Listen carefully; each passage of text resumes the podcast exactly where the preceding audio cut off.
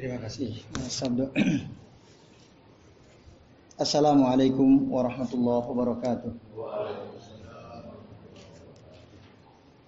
Alhamdulillah, alhamdulillah hamdan katsiran tayyiban mubarakan fih. Mubarakan alaihi kama yuhibbu rabbuna wa yarda.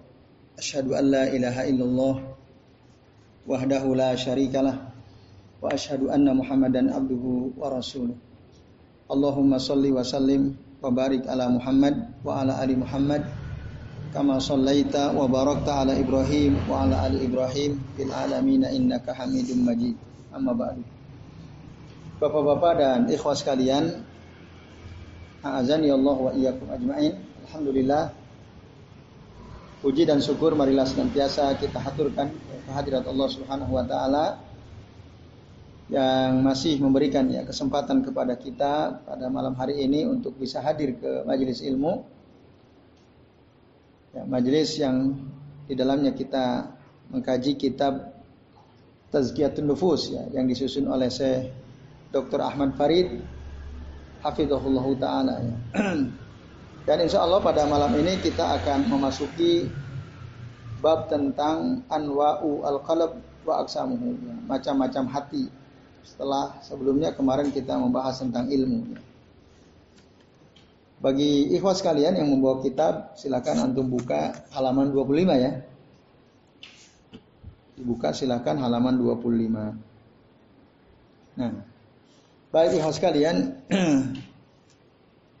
untuk mengawali bab ini, saya Ahmad Farid, beliau mengutip ayat Allah dari Al-Quran surah Al-Isra ayat 36. Allah Subhanahu wa taala berfirman, "Inna sam'a wal basara wal fuada kullu ulaika kana anhu mas'ula." Maknanya sesungguhnya pendengaran, ya, penglihatan dan hati semuanya mereka itu akan dimintai pertanggungjawaban oleh Allah Subhanahu wa taala. Nah, pada ayat ini ada kata al-fuad wal fuad hati. Jadi relevansi ayat ini dengan pembahasan tentang hati adalah terletak pada kalimat wal fuada kullu ulaika kana anhu mas'ula. Jadi hati termasuk komponen penting yang ada dalam diri setiap hamba yang itu kelak juga akan dimintai pertanggungjawaban oleh Allah Subhanahu wa taala. Bahkan hati peranannya sangat penting ya, sangat sentral.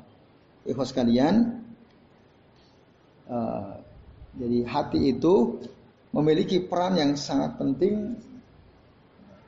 Bahkan dia merupakan dikatakan di sini kal malik al mutasarrifil junud, ya, yaitu ibarat raja yang bisa menggerakkan prajuritnya atau komandan yang bisa menggerakkan prajuritnya. Jadi hati penting sekali ya posisinya di dalam diri setiap manusia. Nah, dari hati itulah semua anggota tubuh kita tunduk. Ya. Jadi uh, mengikuti perintah hati. Dikatakan demikian ya. Waktu tasabu minhul istiqomah wa Nah, dari itu dari hati itulah Seseorang apakah dia akan istiqomah atau dia menyeleweng, menyimpang dari kebenaran. Itu. Jadi dimulai dari dari hati. Jika hatinya benar, maka dia akan istiqomah di atas kebenaran. Sementara jika hatinya kotor, dia akan nyeleweng, menyimpang dari yang benar. Ya. Itu bapak-bapak dan ikhwas sekalian, azan ya Allah wa ajma'in. Nah, makanya di dalam hadis Nabi Shallallahu Alaihi Wasallam, beliau pernah menerangkan di hadapan para sahabat, kata beliau, ala wa inna fil jasadi mudghatan. Ketahuilah sesungguhnya di dalam tubuh itu ada segumpal daging. Ida salahat salahal jasadu kulluhu. Jika segumpal daging itu baik, maka seluruh tubuh akan baik seluruh tubuh dan tentu seluruh anggota tubuh akan baik. Wa idza fasadat tapi kalau segumpal daging ini rusak fasadal jasadu kulluhu. Maka seluruh badan, seluruh anggota tubuh juga akan rusak semuanya. Nah, apakah ini maksud dengan mudgo atau segumpal daging ini? Lalu Rasul mengatakan, ala wahya al qalb. Ketahuilah dia adalah hati. Hadis sahih muttafaqun alaih akhrajahu al-Bukhari wa Muslim. Nah, hadis ini sangat tegas ya menjelaskan bagaimana pentingnya kedudukan hati dalam diri setiap orang. Maka kita perlu mengetahui ya tentang pentingnya kedudukan hati ini tentu saja aja agar kita bisa mensucikan ya hati kita. Maka ini dibahas dalam kitab Tazkiyatun Nufus ya. Agar kita bisa betul-betul memperhatikan dengan seksama keadaan hati kita karena dari situlah seseorang akan menjadi baik atau menjadi buruk.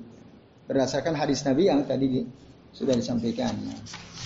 Nah, maka kata saya Ahmad Farid, ya, beliau katakan bahwa malikuha.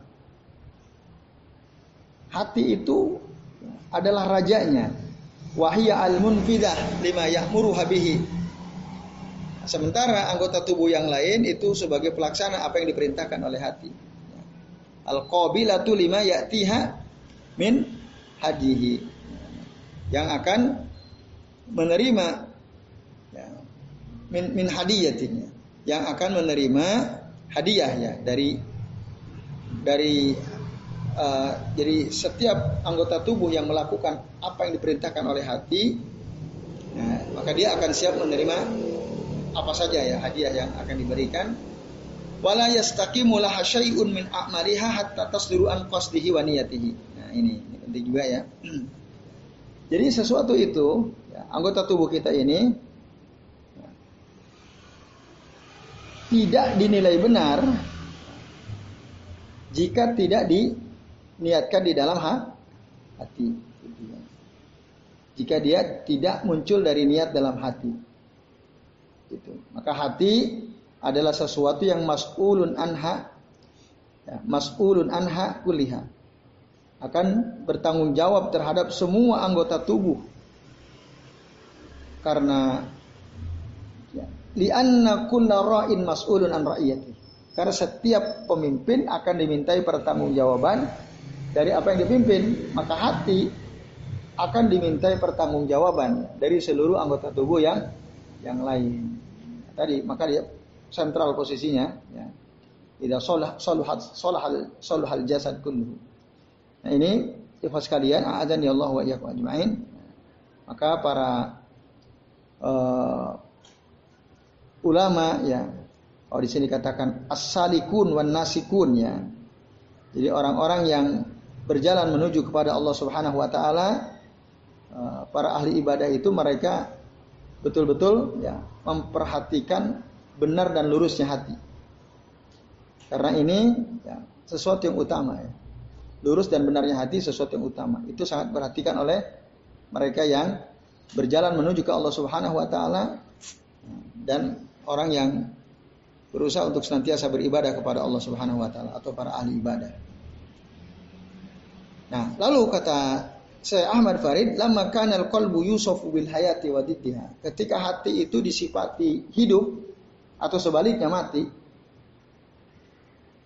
kata beliau, in qasama bihasbi zalika ila salasati aksam. Akhirnya hati itu nanti dia terbagi berdasarkan hidup dan matinya hati dia terbagi menjadi tiga bagian. Salah satu aksam. Apa saja bagian hati yang dimaksud? Satu, al-qalbu as-sahih, ay as-salim ya, hati yang sehat. Yang kedua, al wal qalbul mayyit, hati yang mati dan yang ketiga wal qalbul marid, hati yang sakit. Jadi ada tiga kategori hati yang dijelaskan oleh para ulama intisarinya ini walaupun nanti redaksinya beda-beda ya. Tidak setiap ulama menggunakan istilah al-qalbu sahih tidak atau al-qalbul mayyit tidak. Ada istilah lain yang juga digunakan oleh para ulama untuk menjelaskan pembagian hati ini. Baik, nah, kita ikuti apa yang dikatakan oleh Syekh Ahmad Farid bahwa kata beliau hati itu ada tiga macam, ada tiga bagian. Satu al-qalbus sahih. Apa itu al-qalbus sahih? beliau terangkan yaitu al qalbus salimul ladzi la yanju yaumal qiyamati illa man atallaha bihi man atallaha ta'ala bihi. Ya. Hati yang sehat itu adalah hati yang selamat ya, yang tidak ada yang selamat kelak nanti pada hari kiamat kecuali orang yang datang kepada Allah dengan hati yang yang salim ya, bin salim. Nah, maka di dalam Al-Qur'an surah As-Su'ara ayat 88 sampai 89 Allah taala mengatakan yauma la yanfa'u malun wala. Ya. Adalah hari, maksud hari kiamat adalah hari yang tidak bermanfaat harta dan tidak pula bermanfaat anak-anak. Illa man atallaha biqalbin salim kecuali orang yang datang kepada Allah dengan hati yang selamat. Selamat dari apa? Minasyirk, dari kesyirikan, minal kufur, dari kekufuran, minan nifak, dari kemunafikan. Ya, itu.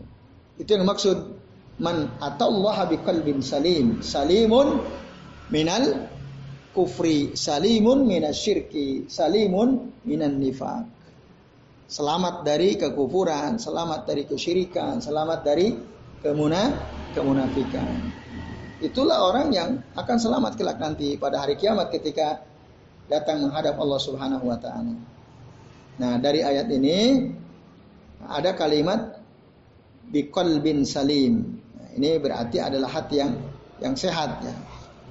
Selamat tadi. Karena kalau ada kesyirikan dalam hati, ada kemunafikan atau apalagi kekufuran, wah itu hati nggak benar. Ya, nggak benar. Maka hati sehat yang tadi yang selamat dari setidaknya tiga perkara tadi. Minasyirki wal kufri wal nifat. Ada mengatakan bahwa hati yang salim ya, menurut saya Ahmad Farid ya annahu al qalbul ladzi salima min kulli syahwatin ini menurut Yol Yol Hati yang sehat itu adalah hati yang selamat dari setiap syahwat. Tukhalifu amrullahi wa nahyihi. Yang menyelisihi perintah Allah dan larangan Allah Ta'ala. Itulah hati yang selamat. Jadi dia selamat dari cengkeraman syahwat dia. Karena syahwat cenderung menyelisihi perintah Allah, cenderung melakukan larangan-larangan Allah Subhanahu wa taala itu syahwat. Maka syahwat itu muhlika kata para ulama. Syahwat itu membinasakan. Dan itu fitnah. Fitnah dunia yang paling besar ya fitnah itu syahwat. Yang di antaranya ya fitnah itu syahwat. Nah, itu karena maunya seneng gitu. Maunya enak-enak, maunya tidak terikat, maunya bebas. Ya, sesuai dengan hawa nafsunya. Itu fitnah syahwat. Nah, hati yang selamat itu adalah yang bebas dari fitnah syahwat. Dan yang kedua, wa min kulli subhatin tu'aridu khairahu. Yang kedua adalah hati yang selamat dari subhat. Ya. Selamat dari apa? Dari subhat. Nah, subhat yang menyelisihi kebaikannya. Tu'arid khairahu menyelisihi sesuatu yang baik ya. Nah itu pengertian al-qalbu as-sahih atau al-qalbu as-salim ya. Ini ya. Jadi Bapak-bapak dan ikhwan sekalian, azan ya Allah wa iyyakum. Maka orang yang hatinya ya, selamat dari tadi ya, dari syahwatnya, selamat dari syubhat, Nah, itulah yang selamat. Itulah hati yang al-qalbus sahih, hati yang sahih. Juga selamat dari menyembah selain Allah. Nah, berarti apa tuh? Menyembah selain Allah. Syirik. Ya. Itu. Salima min ubudiyatihi wahu, ay masih Allah. Salima min tahkimi ghairi rasulihi. Nah, dan selamat juga dari ya, berhukum kepada selain Rasul Shallallahu Alaihi Wasallam. Maksudnya selamat dari berhukum yang tidak bersandar kepada sunnah Rasul Shallallahu Alaihi Wasallam. Itu hati yang sahih. Maka hati yang sahih dia senantiasa kembali kepada Quran, kembali kepada sunnah. Nah itulah hati yang selamat. Menghukumi segala sesuatu, ini boleh atau tidak, baik apa buruk, ukurannya adalah sun, sunnah. Bertahkim dengan sunnah. Berhukum dengan sun, sunnah. Tidak berdasarkan syahwat. Syahwat atau hawa nafsunya. Nah, ini ya saya kira penting sekali, ibu sekalian. Ciri-ciri nah, al-qalbu as-sahih ya, hati yang sehat atau al-qalbu salim ya, hati yang selamat. Nah, Bapak-bapak dan ikhwas sekalian, a'adzani Allah wa iyyakum ajmain ya. Lalu orang yang selamat itu ibadahnya khusus. Ibadahnya murni hanya khusus untuk Allah saja. Begitupun tujuan dia, kecintaan dia, tawakal dia, kembalinya dia, kehusuan dia, takutnya dia, harapnya dia itu hanya kepada Allah. Murni hanya kepada Allah Subhanahu wa taala. Yang dia tuju hanya Allah. Cinta yang ada pada dirinya yang paling besar adalah Allah. Tawakalnya hanya kepada Allah, harapannya hanya kepada Allah. Takutnya juga hanya kepada Allah Subhanahu wa taala. Maka orang yang tidak takut apa pun kecuali Allah berarti dia adalah orang yang hatinya sahih ya qalbuhu sahih atau qalbuhu salim. Nah ini. Lalu katakan fa in ahabba ahabba fillah, fa in abghada abghada fillah. Cinta sesuatu cinta karena Allah, benci sesuatu benci karena Allah. Di semua terikat dengan Allah Subhanahu wa taala. Kalau dia memberi wa in a'ta a'ta a'ta lillah wa in mana'a mana'a lillah. Kalau memberi juga karena Allah. Tidak memberi atau menolak juga karena Allah Subhanahu wa taala. Nah, ini ya Bapak-bapak dan ikhwas sekalian, maka itulah dia penjelasan terkait dengan hati yang yang sahih. Lalu wala yakfihi hada hatta yaslama ya minal inqiyadi wat tahkim li kulli man ada rasulihi sallallahu alaihi wasallam. Dan tidak cukup itu ya, sehingga dia selamat ya dalam ketundukan dan berhukum semuanya selamat dari berhukum kepada selain hukum yang ditetapkan oleh Rasul Shallallahu Alaihi Wasallam. Nah itu penjelasan tadi ya. Jadi itulah hati yang as-sahih, yang sehat itu ya. Nah ini bapak-bapak dan ikhwas sekalian, adzan ya Allah wa maka orang ini ya hatinya orang yang seperti ini dia betul-betul terikat dengan Rasul SAW. Nah, dikatakan hatinya telah terikat kepadanya dengan ikatan yang kuat. Fayaqadu qalbuhu ma'ahu akdan muhakkama alal itmam. Alal itmam untuk mengikuti. Untuk menjadikan Rasul sebagai panutan wal iktida. Ya, sesuatu yang diikuti. Ya, bihi wahdahu. Jadi yang diikuti yang jadikan panutan hanyalah Rasul Shallallahu Alaihi Wasallam. Bukan yang lainnya dalam hidup dia. Jadi betul-betul yang menjadi patokan dia, panutan dia yang dia ikuti adalah siapa? Rasul Shallallahu Alaihi Wasallam. Dalam setiap ucapannya, dalam setiap perbuatannya dan dia tidak berani mendahului ucapan Rasul atau perbuatan Rasul atau akidah yang diajarkan oleh Rasul SAW. Itu orang yang sahih. Jadi bapak-bapak dan ikhwan sekalian ya berdasarkan keterangan dari Syekh Ahmad Barid ini Di antara penjelasan hati yang sahih, yang sehat itu, jadi perkataannya, perbuatannya, akidahnya senantiasa mengikuti Rasul Muhammad SAW. Tidak pernah dia berani mendahului Rasul, mendahulukan dirinya daripada Rasul, daripada Allah dan Rasulnya. Jadi apa-apa dia selalu berpikir ini sesuai sunnah atau tidak sesuai kitab Allah atau tidak. Dia nggak berani ya, udah. Apain repot-repot nyari-nyari Al-Quran, nyari-nyari Sunnah udah. Menurut pikiran saya ini benar gitu. Dia dia nggak berani seperti itu. Dalilnya mana? Disebutkan dalam Al-Quran ya surah Al-Hujurat ayat ke berapa? Ayat pertama ya. Ya ayyuhalladzina amanu la tuqaddimu baina yadaillahi wa rasulih. Hai orang-orang beriman, ya, janganlah kalian la tuqaddimu ya. Mendahului Allah dan Rasulnya.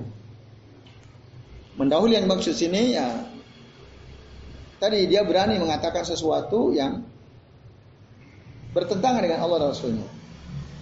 Bahkan dia mendahulukan perkataan dia daripada perkataan Allah dan Rasulnya. Nah itu, nah itu yang itu dilarang ya sikap seperti itu. Hai orang yang beriman, janganlah kalian ya, mendahului Allah dan Rasulnya. Wattakullah. Bertakwalah kalian kepada Allah. Innallaha sami'un alim. Nah, sesungguhnya Allah maha mendengar lagi maha mengetahui. Nah itu ikhlas kalian. A'adani Allah wa iyyakum ajma'in. Jadi orang yang hatinya sehat, nah, dia tadi senantiasa kembali kepada Al-Quran dan Sunnah. Dalam setiap perbuatan, setiap ucapan, dalam akidah dia. Ya, saya kira ini, nah nanti ada para ulama menjelaskan tentang sifat hati yang sehat itu. Ada beberapa sifat di antaranya hatinya tenang. Nah, jadi ciri-ciri hati yang sehat itu hatinya itu tenang, nggak mudah gelisah, nggak galau, nggak mudah galau gitu. gitu. Jadi apa bahasa Arabnya mutmain. Mutmain hatinya itu tenang. Anti galau. Nah, anti galau ya maksudnya. Jadi orang yang hatinya sehat anti galau tadi, nggak nggak nggak galau dia. Apa pun yang dia hadapi, dia tenang aja dia. Kebahagiaan atau kesulitan dia tenang. Itu. Kenapa? Nah, karena dia yakin ya, semua sudah ditentukan oleh Allah Subhanahu wa taala. Itu. Jadi ini ya Bapak-bapak dan Ibu sekalian, azan ya Allah wa Dalam Al-Qur'an disebutkan ya di antara ciri-ciri hati yang sahih itu tadi mutmainnya disebutkan dalam surah Ar-Ra'd ayat 28. Allah taala berfirman, alladzina amanu wa tatma'innu qulubuhum ala bidzikrillah ya ala bidzikrillah afwan. Alladzina amanu wa tatma'innu qulubuhum bidzikrillah orang-orang yang beriman dan tenang hatinya dengan zikir ingat Allah ya ala bidzikrillah tatma'innu tatma'innul qulub ketahuilah sesungguhnya dengan mengingat Allah maka hati akan menjadi tenang berarti kesimpulannya hati yang mutmain adalah ciri hati yang sehat. Hati yang sehat itu dia senantiasa berzikir kepada Allah. Nah, jadi kalau kita kok susah banget zikir gitu, nah, itu tanda berarti nggak sehat. Kita kalau gampang banget di mana-mana kita zikir. Nah, setiap kali kita sendirian nggak ada teman kita zikir. Di jalan zikir lagi duduk zikir. Jadi mudah, gampang berzikir hatinya, senantiasa ingat sama Allah. Lisannya gampang berzikir, nah, itu tanda hati dia bersih atau sehatnya, karena tenang di hatinya. Itu ciri yang disebutkan di dalam Al-Quran orang yang hatinya sehat. Nah, lalu kemudian disebutkan ciri atau sifat yang kedua, sifat hati yang sehat itu dia ya, senantiasa kembali kepada Allah. Ya. Disebutkan dalam surah Qaf ayat 33 Allah taala berfirman man khasyiyar rahmana bil ghaibi wa jaa biqalbin munib. Wa jaa biqalbin munib. Orang yang takut kepada Allah zat yang Maha Rahman ketika dia sedang sendirian bil ghaib ya. Wa jaa biqalbin munib dan dia datang dengan hati yang kembali kepada Allah Taala. Jadi dia itu senantiasa uh, takut kepada Allah Zat yang Maha Rahman dalam kesendirian dia. Lalu dia datang dengan kembali kepada Allah Taala dengan tadi hati yang yang munib ya, biqalbim munib. Kemudian yang ketiga, Bapak-bapak dan Ibu sekalian, hati yang sehat itu di antara sifatnya yang digambarkan Allah dalam Al-Quran nah, adalah takut hanya kepada Allah. Takut hanya kepada Allah.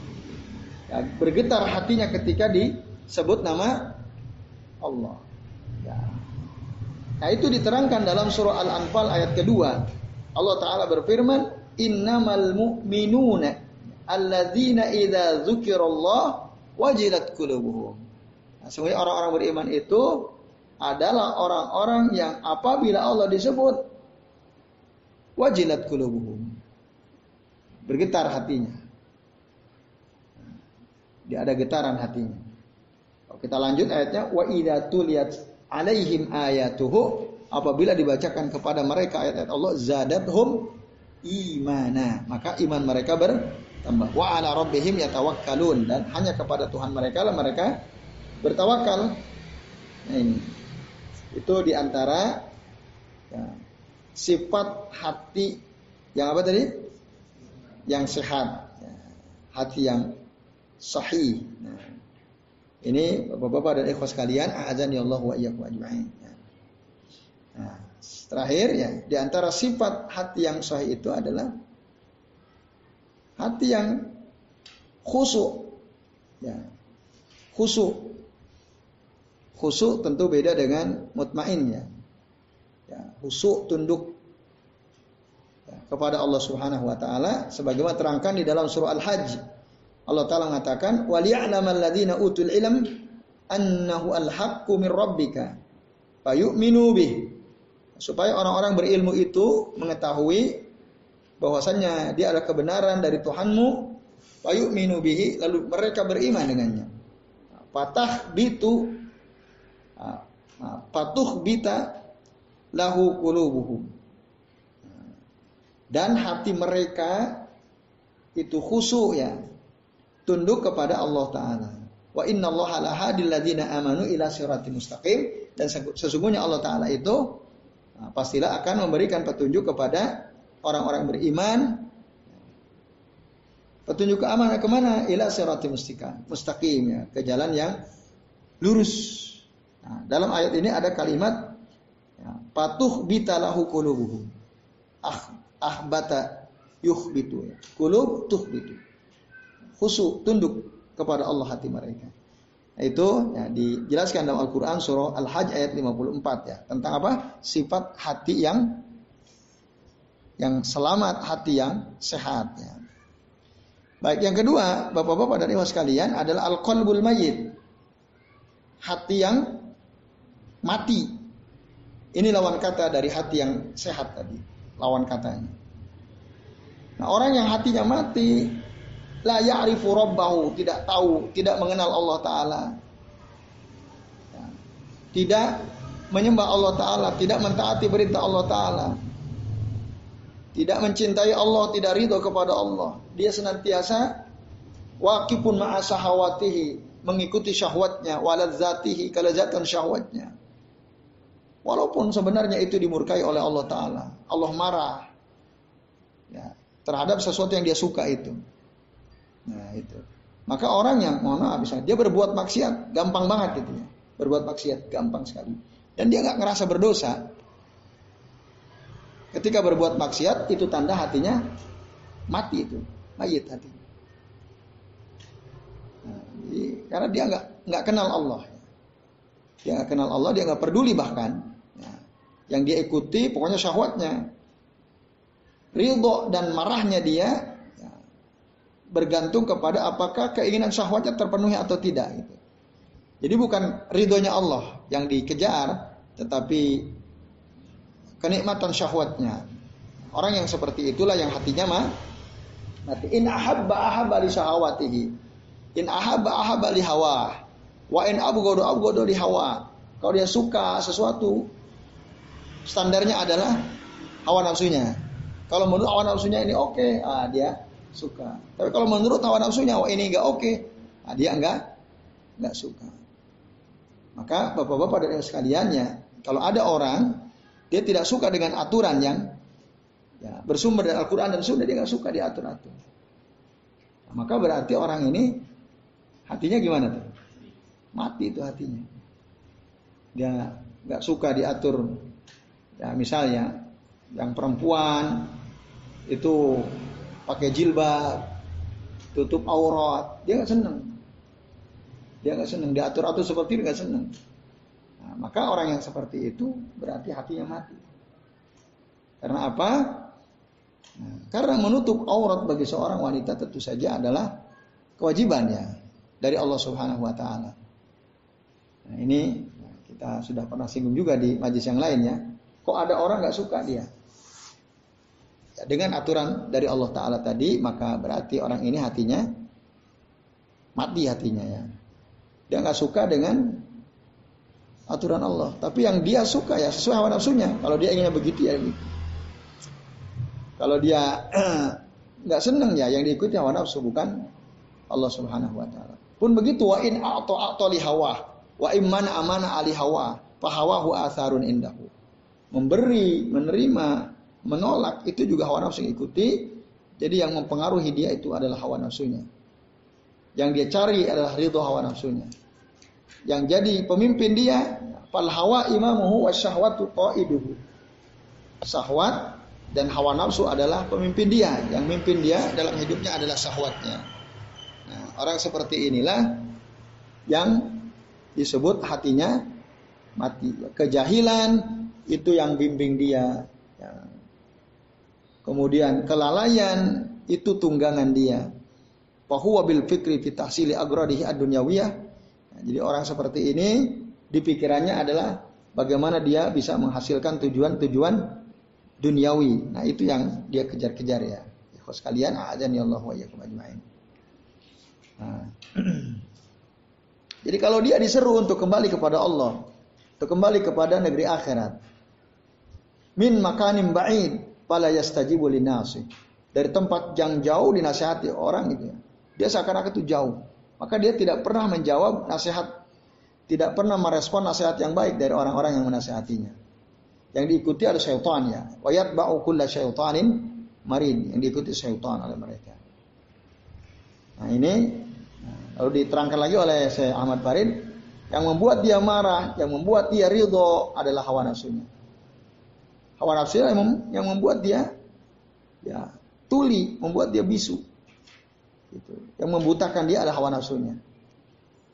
Nah, maka orang yang bergaul dengan orang seperti ini, ya, pamukhalatatu, ya sahibi hadal qalb sakon. Bergaul dengan orang yang hatinya mati ini bahaya nih, penyakit ya wa mu'asaratuhu sammun bergaul dengan mereka ini jadi racun wa mujalasatuhu halakun dan bermajlis dengan orang-orang yang mati hatinya itu adalah kebi kebinasaan. Lalu kemudian di dalam Al-Quran kita bisa temukan sifat-sifat hati yang mati. Ya, sifat hati yang mati. Dalam surah Al-A'raf diterangkan orang yang hatinya mati itu, nah, mereka ini ditutup, dikunci mati oleh Allah hatinya. Gitu. Jadi karena mereka tidak mau beriman dengan keterangan dari Allah yang dibawa oleh nabinya, pamakanu liyu'minu bima kadzabu min qabl. Jadi mereka bahkan tidak pernah beriman dengan apa yang mereka dustakan sebelumnya. Ya. Kadzalika yatba'ullahu ala qulubil kafirin demikianlah Allah mengunci hati orang-orang kafir. Jadi orang yang hatinya mati itu dia terkunci, dikunci oleh Allah Taala. Nah ini bapak-bapak dan ikhwas kalian, azani Allah wa iyyakum ajmain. Nah. Bahkan dalam surah Al-A'raf dikatakan wanat ba'u ala qulubihim fahum la yasma'un. Ya. Dan kami kunci mati hati mereka dan mereka tidak bisa mendengar yang hak ya. Wanat ba'u ala qulubihim fahum la yasma'un. Nah, itu dalam surah Al-A'raf. Kemudian ciri hati atau sifat hati yang mati itu dalam Al-Quran dijelaskan. Ya. Dalam Al-Quran dijelaskan hatinya itu keras nah, atau kosiah ya.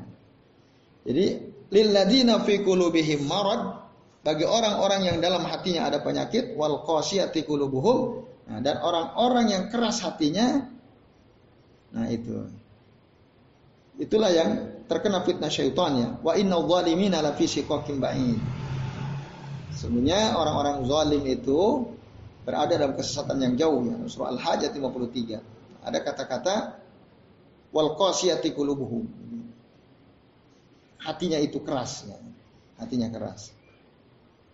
Atau dalam surah Zumar ya. Itu juga ada penjelasan apa man Allahu sadrahu lil Islam bahwa ala nurin min rabbih. Apakah orang yang oleh Allah dadanya dilapangkan untuk Islam maka dia berada di atas cahaya dari Tuhan, Tuhannya. Fawailul lil min dzikrillah. Maka ya, celakalah bagi orang-orang yang hatinya keras untuk mengingat Allah ulaika fi mereka itu berada dalam kesesatan yang nyata. Nah, itu di antara sifat-sifat orang yang hatinya mah mati. Apa tadi? Keras hatinya terus apa lagi?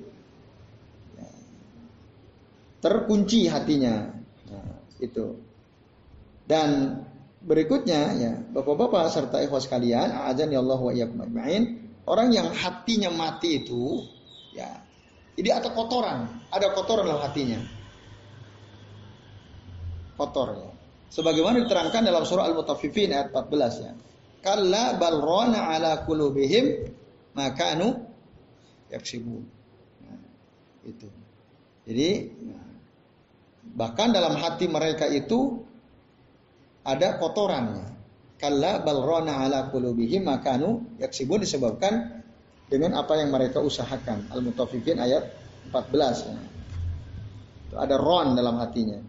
Nah, bahkan dalam hadis Nabi ya, diterangkan kata ron ron itu ya, ya kotoran. Kapan seseorang itu hatinya bisa menjadi kotor? Ya setiap kali dia berbuat maksiat. Maka orang yang tidak takut berbuat maksiat kepada Allah Ta'ala. Tadi orang yang hatinya mah mati. Karena apa? Kotor, banyak kotoran. Tu'radu al-fitanu. Ya. Ala kulubil ala kulubin nas. Mudan mudan kal hasir. Dinampakkan godaan syaitan kepada hati manusia sehelai demi sehelai bagaikan anyaman sebuah tikar kata Rasulullah. Waman asrobaha nakata fi qalbihi nuqtatas sauda. Wa man angkaroha nakata fi qalbihi nuqtatal bayda. Barang siapa yang mengikuti godaan syaitan maka akan ada bintik hitam dalam hatinya. Sementara yang mengingkari godaan syaitan maka akan ada bintik putih dalam dalam hatinya. Nah, nanti akhirnya kata Rasul hati itu ada dua. Fal qalbu yasiru qalbaini. Ada dua macam. Ada yang hitam kelam, ada yang putih bersih. Nah, kalau udah hitam hatinya, ketutup kotoran-kotoran itu, maka dia la ya'rif al-ma'ruf wa la yungkiru al-munkar. Udah nggak bisa lagi membedakan yang baik mana, yang buruk mana. Ya, dia nggak bisa la ya'rif al-ma'ruf wa la dan tidak bisa mengingkari kemungkaran. Itu ciri orang yang hatinya mati itu. Dia nggak tahu lagi dia mana yang baik, mana yang buruk nggak tahu. Nah, yang terakhir Bapak-bapak dan ibu sekalian, kata saya Ahmad Farid rahimahullah, hafizahullah taala. Bagian yang ketiga adalah al-qalbul marid. Hati yang sakit. Nah, qalbun lahu hayatun wa bihi illatun tamudduhu hadhihi marrah wa hadhihi marrah. Nah, jadi hati yang yang sakit itu ya hati yang kadang-kadang dia hidup tapi berpenyakit hidup tapi berpenyakit. Wabihi illah. Jadi ada ilah, ada penyakitnya. Ya. Itu. Nah, dia akan berubah-ubah ya. Kadang mengikuti yang baik, kadang mengikuti yang buruk ya. Itu. Mana yang lebih kuat, nah itu yang diikuti. Wa huwa lamma ghalaba alaihi minhuma fa fihi. Nah. Nah, jadi tadi uh, mana yang baik kalau dia lebih kuat dia akan ikut itu. Kalau yang buruk lebih kuat dia akan ikut yang yang buruk. Maka hadhihi marra wa hadhihi. Kadang begini, kadang begitu. Orang yang hatinya sakit. Jadi tidak istiqomah dia ya. nah, kadang dia cinta kepada Allah. Fafihi min mahabbatillah dalam hatinya ada kecintaan kepada Allah wal imani bihi wal ikhlasilah wat tawakkul alaihi Kadang ada kecintaan pada Allah, beriman kepada Allah, ikhlas kadang-kadang. Kadang-kadang dia tawakal pada Allah. Nah, ini yang menjadi sumber hidup hatinya dia. Tapi kadang-kadang wafihi min mahabbati syahwat wa isariha. Kadang dia ya,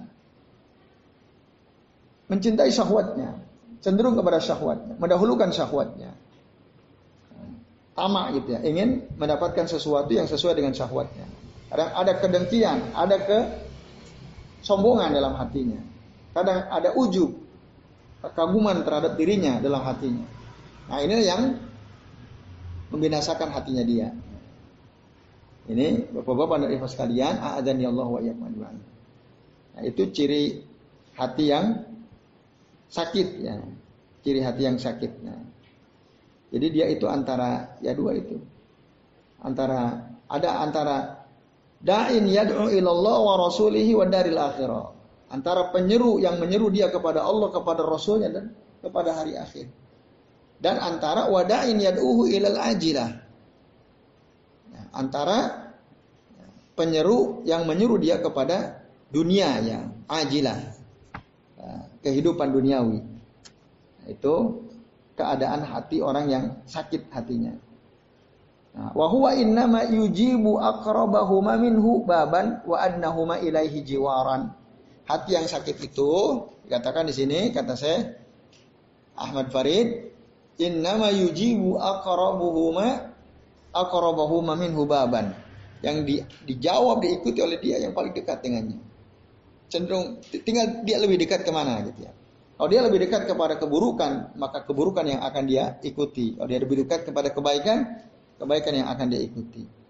Nah, wa adnahuma ilaihi jiwaran. Nah, sama adnahuma itu yang paling dekat ya dengannya atau ya kata jiwar itu makna asalnya adalah ya, tetangga ya. Nah, maksudnya di sini yang ya kalau dia berteman, teman paling dekat dengan dia, paling akrab dengan dia, maka itu yang diikutin. Nah, itu orang yang hatinya sah, sakit ya, hatinya sakit. Dia bisa berubah-ubah. Ada kebaikan dalam hatinya. Itu. Nah, kemudian terakhir kata saya Ahmad Farid, fal qalbul awwalu hati Jenis pertama, hati apa tadi? Al-qalbu sahih ya. Hati yang sehat apa? Hayyun mukhbitun layyinun wa'in. Hati yang sehat itu adalah hati yang hidup, hati yang khusuk, tawadu, lembut, sadar, layin, lembut, wa'in, sadar. Senantiasa berada di kesadaran. Sementara wasani hati yang mati itu ya bisun kering mayitun mati jadi nggak basah nggak ya karena nggak pernah zikir kering hatinya nah, udah gitu pasti dia goncang hidupnya orang yang hatinya mati itu ya hidupnya tidak akan tenang nah ini karena dia nggak pernah zikir dan orang yang nggak pernah zikir kata Syekhul Islam Ibnu Taimiyah rahimahullah apa? Dia mengatakan ya al-zikru lil qalbi kalma ini samak. Al-zikru lil qalbi kalma ini samak. Zikir bagi hati itu bagikan air bagi bagi ikan. Zikir bagi hati bagikan air bagi ikan. Kaifa halus sama idza faraqal ma? Bagaimana keadaan ikan ketika dia meninggalkan air? Keluar dari air. Kira-kira gimana keadaan? Ah, oh gak akan tenang dia. Lama-lama mati. Begitu. Ya orang yang hatinya mati karena nggak pernah zikir itu, dia hidupnya nggak akan pernah tenang. Karena tadi Allah sendiri mengatakan ala bi dzikrillah tatmainnul qulub. Orang kok nggak pernah zikir? Ya tadi seperti ikan yang keluar dari air. Karena zikir, adzikru lil qalbi kalma'i lis samak. Kaifa harus samak idza faraqo alma kata Syekhul Islam Ibnu Taimiyah rahimahullah. Nah, yang terakhir wasalis marid ya, al qalbul marid. Hati yang sakit. Fa imma ila salamati adna wa imma ilal ilal atabi adna. Ya, kadang-kadang dia lebih dekat kepada keselamatan, kadang-kadang dia dekat kepada kebina kebinasaan. Ya. Di antara dua itu selamat, binasa, sama binasa. Nah, tergantung tadi dia berteman dengan siapa, keadaan seperti apa. Nah, Nauzubillah min dalik ya. Kita berlindung kepada Allah dari keadaan hati yang mati apalagi juga dari hati yang sakit ya. Nah, ini Bapak-bapak dan Ibu sekalian, azan ya Allah wa iyyakum ajmain di antara beberapa penjelasan ya. Dari Syekh Ahmad Farid terkait pembagian hati. Nah, terakhir ya. Apa sifat-sifat hati yang sakit yang disebutkan di dalam Al-Qur'an? Sifat hati yang sakit di dalam Al-Quran, dia lalai. Dia lalai. Lahin. Lahin. Lahiyatan kulubuhum. Nah, mereka itu hatinya lalai. Kenapa ya? Karena sakit. Itu. Kemudian zaig. Zaig itu menyimpang. Ya. Orang yang hatinya sakit, itu dia cenderung gampang menyimpang. Ya. Zaigun. Maka disebutkan dalam surah Ali Imran ayat ke-7 ya, ketika Allah taala menjelaskan tentang ayat-ayat Allah yang muhkamat dan ayat-ayat Allah yang mutasyabihat. Maka dikatakan fa'ammal ladzina fi qulubihim zaigun fayattabi'una ma tasyabaha minhu ibtigu al-fitnah. Nah, itu ada kalimat ya, fa'ammal ladzina fi qulubihim zaigun. Dan adapun orang yang di dalam hatinya ada zaig ya, penyimpangan maka mereka mengikuti apa yang mutasyabih matasyabah minhu ya. Itu ya, ciri orang yang hatinya sa, sakit nah. kemudian ciri yang lain orang yang hatinya sakit itu ya, tadi lahinnya termasuk gofil ya termasuk gofil lahin itu nah, Disebutkan misalnya dalam surah Al-Kahfi ya. Wasbir nafsaka ma'al ladzina yad'una rabbahum bil ghadati wal asyi yuriduna wajha. Bersabarlah dirimu bersama orang-orang yang berdoa kepada Tuhan mereka di waktu pagi dan petang yuriduna wajha yang menginginkan ya, keriduan wajah Allah Subhanahu wa taala. Wala tagnu ainaka anhum jangan kau berpaling dari jangan kau palingkan kedua matamu dari mereka. Nah, turidu zinatul hayatid dunia karena engkau menginginkan kehidupan dunia wala tuti man aghfalna qalbahu nah ada kata dan jangan engkau mengikuti jangan engkau taat Muhammad kepada orang yang hatinya kami buat lalai. Man aghfalna qalbahu an zikrina dari mengingat kami dari berzikir kepada kami. Wattaba hawa dan yang mengikuti hawa hawa nafsunya wa kana amruhu furuto orang seperti ini yang urusannya berlebihan. Nah ini bapak-bapak dan ibu sekalian ya, di antara sifat hati yang sakit gitu ya. Jadi dia lalai tadi ya, di antaranya menyimpang, di antaranya kemudian awalnya tadi yaitu lahin, zaig, wafil. Nah, yang terakhir ya, sifat orang yang hatinya sakit itu ya, dia gampang ya mengalami atau menyesal dia. Selalu ada penyesalan dalam hatinya. Selalu ada penyesalan dalam hatinya. Sebagaimana diterangkan di dalam surah Ali Imran ayat 156. Allah Ta'ala mengatakan, Ya ayyuhalladzina amanu, hai orang-orang beriman, La takunu kalladina kafaru. Janganlah kalian seperti orang-orang kafir. Wa qalu li ikhwanihim idza darabu fil ardi aw kanu guzza di mana mereka berkata kepada saudara-saudara mereka, kepada kawan-kawan mereka, "Idza darabu fil ard." Jika kalian melakukan perjalanan di atas muka bumi, au kanu guzza. Atau jika mereka berperang, nah, maka mereka akan mati. Kata orang-orang yang kafir itu ya. Laukanu indana mamatu. Seandainya mereka tinggal bersama kami, maka mereka tidak akan mati. Wa makutilu dan mereka tidak akan terbunuh. Kata siapa?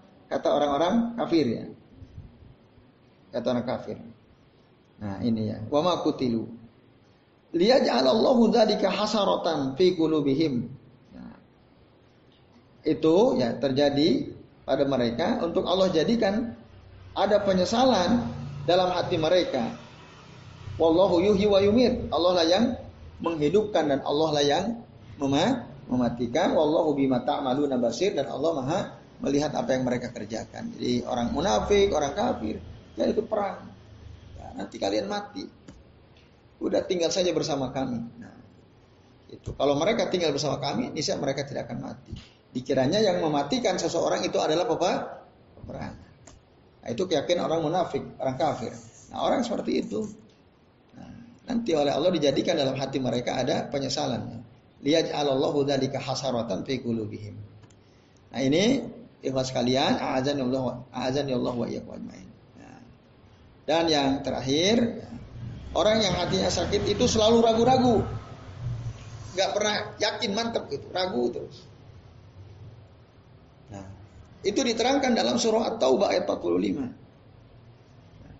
Innama yasta'dzinuka alladziina la yu'minuna billahi wal yawmil akhir wartabat qulubuhum fahum fi raibihim yataraddadun. Sesungguhnya orang-orang yang meminta izin kepada engkau minta izin apa untuk tidak ikut perang ya. Mereka tidak beriman kepada Allah. Tidak beriman kepada hari akhir dan wartabat qulubuhum. Hati mereka itu selalu bimbang ya, ragu. Fahum fi raibihim yataraddadun ya. Mereka dalam keraguan ya, ada kebimbangan keraguannya tadi. Nah, ini ini ciri orang yang hatinya sakit ya, ya. Orang-orang munafik di antaranya.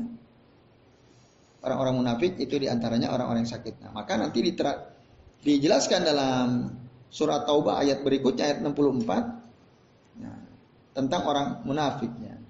Jadi mereka itu takut sekali yahzarul munafikuna antunzil antunazzala alaihim suratan antunazzala alaihim suratun tunabbi'uhum bima fi qulubihim.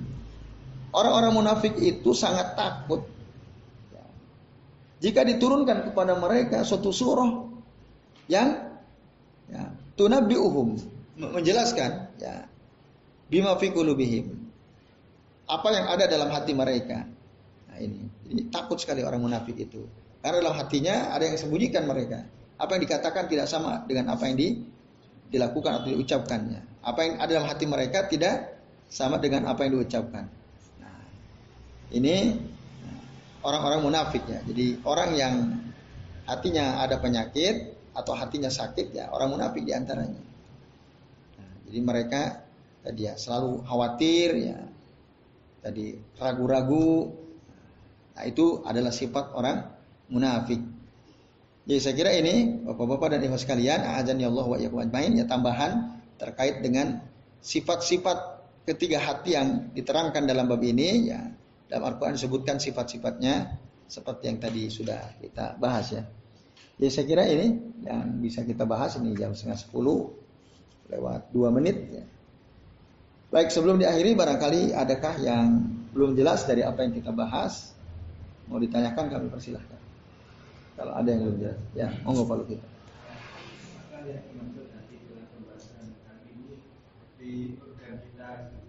hmm.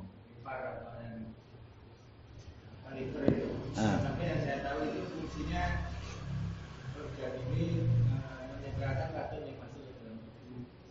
Secara, secara medis, biologi, ya. ah, secara biologi. Ya. Yang sebenarnya mengendalikan semua kegiatan tubuh kita sepertinya Hat, ah, kita yang yang kita pahami ya. Hmm. Dan kemudian di mana posisi kolbu hmm. hati yang, yang seperti kita tahu dalam ilmu biologi itu ya. Kalau kita kembali kepada apa yang dikatakan oleh Nabi tadi, ya, ala inna fil jasadi mudgoh.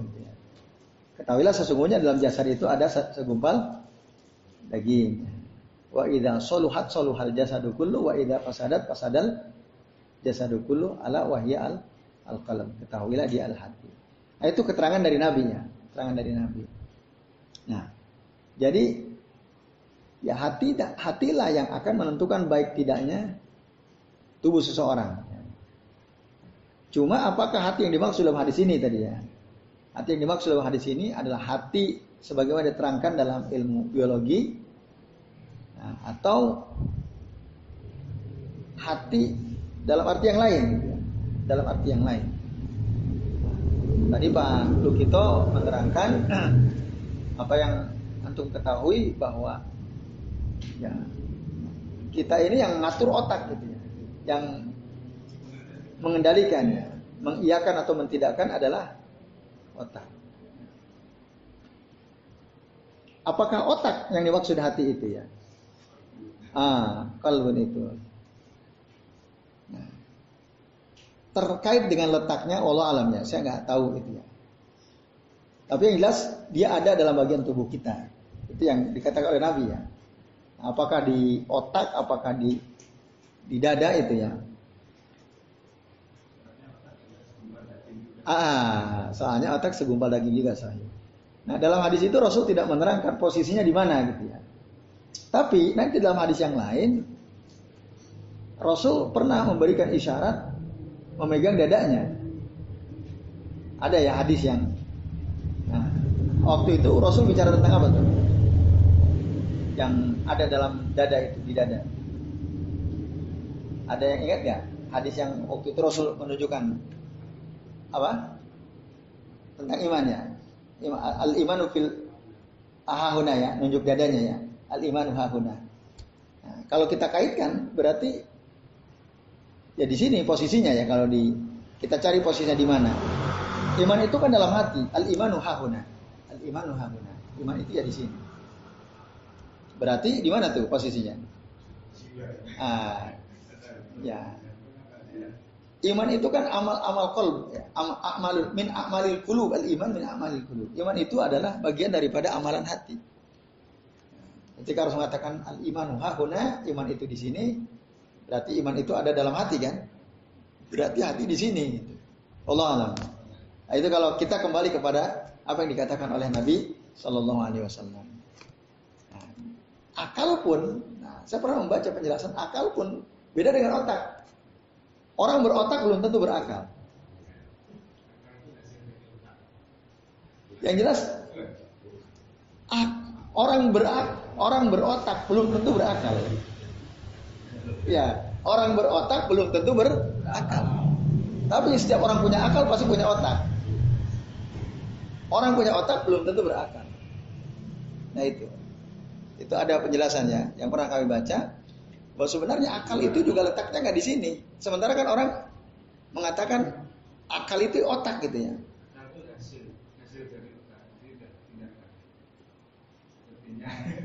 Tadi tidak setiap orang berotak berakal. Kalau gitu kesimpulannya berarti setiap orang berotak pasti berakal kan?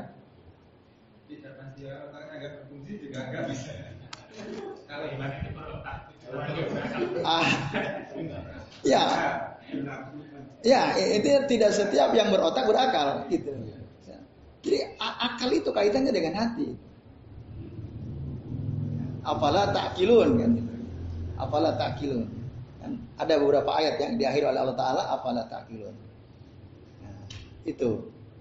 Jadi kalau menurut ilmu biologi kan otak di sini kan. Ini disebut otak disebut akal juga kan? Iya atau tidak? Kalau dalam ilmu ini organ. Oh gitu ya. Iya. Ber berdasarkan teori ilmu apa ini? Oh gitu ya. Ya. Kalau organnya namanya otak. Ya. Hasilnya akal. Nah, tapi tadi kesimpulan kesimpulannya tidak setiap orang berotak berakal. Ya. Karena dia tadi tidak memikirkan ayat-ayat Allah, tidak berusaha untuk memahami ayat-ayat Allah bahkan dia menyelisihi perintah Allah. Nah, maka otak secerdas apa pun, ini otak gak berakal. Iya. Mungkin dia bisa membuat nuklir, dia bisa membuat perangkat teknologi canggih gitu ya, dengan otaknya. Tapi orang begitu. Tapi kalau dia nggak sholat, dia nggak beriman kepada Allah, dia tun, dia tidak tunduk kepada syariat Allah. Ini, ini orang akalnya ada, tapi dia eh otaknya ada, tapi dia tidak tidak berakal. Itu. Allah alam. Jadi kalau kembali posisi di mana? Ketika Rasulullah mengatakan al imanu hahuna iman di sini, nah berarti hati itu letaknya di dada ya. Sebelah mana? Nah, Allah alam itu. Ya, karena tidak dirinci dalam hadis. Rasulullah mengatakan al imanu hahuna. Yaitu balut itu. Allah alam. Masih ada yang lain? Sekalian? Ya, Kalau uh, sakit atau sehatnya hati, mm -hmm.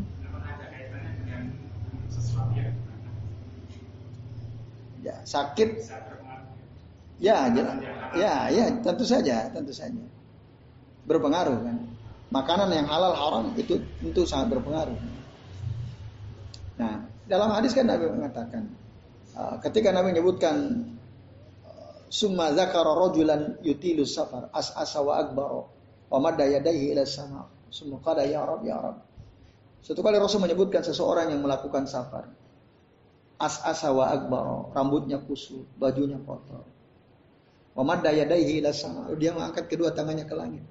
Dia katakan ya rab ya rab wahai Tuhan wahai Tuhan. Berdoa itu keadaan terbaik. Tetapi ya dia makan dengan sesuatu yang haram. Ya, guzia bil haram. Diberi makan yang haram. Ya. wa masrabuhu haram. Minumnya juga ha? Wa bil haram. Diberi makan dengan yang haram. Haram anna yustadabu dzalika kata Rasul akhirnya. Bagaimana mungkin? Ya, diijabah oleh Allah taala doanya. Doa orang yang kalau makan makan haram. Ya minum minumannya haram. Berpakaian pakaian yang yang haram. Ya. malbasuhu haram. Wa bil haram. Anna yustadabu anna yustajabu dzalika. Bagaimana mungkin diijabah doa orang itu nah, berarti kan ada pengaruh tuh makanan yang haram ya. bahkan tadi meskipun seseorang dalam keadaan terbaik dia penuhi seluruh adab-adab doa adab-adab baik dalam berdoa dia penuhi itu tapi karena ada makanan, minuman, pakaian yang haram yang dia pakai, yang dia makan, yang minum, nah itu menjadi sebab doa-doa dia tidak akan diijabah oleh Allah Subhanahu wa taala.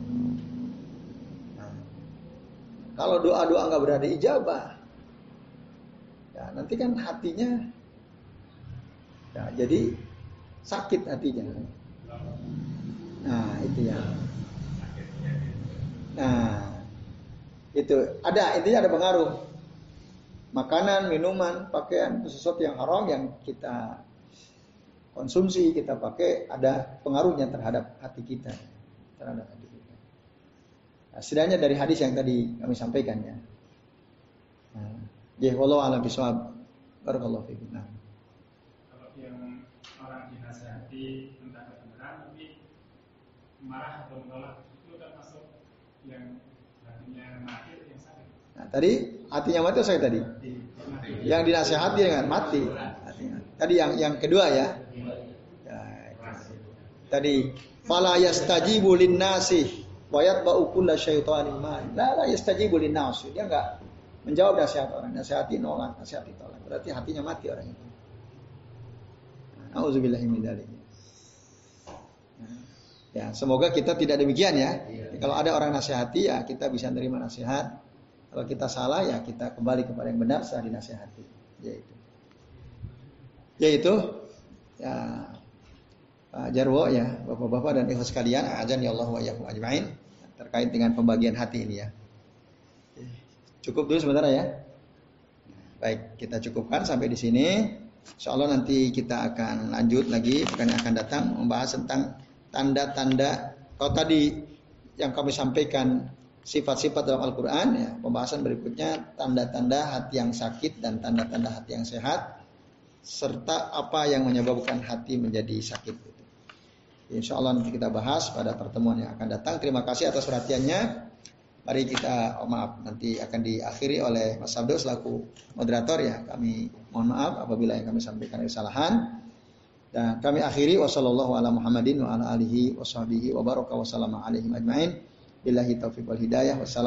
warahmatullahi wabarakatuh.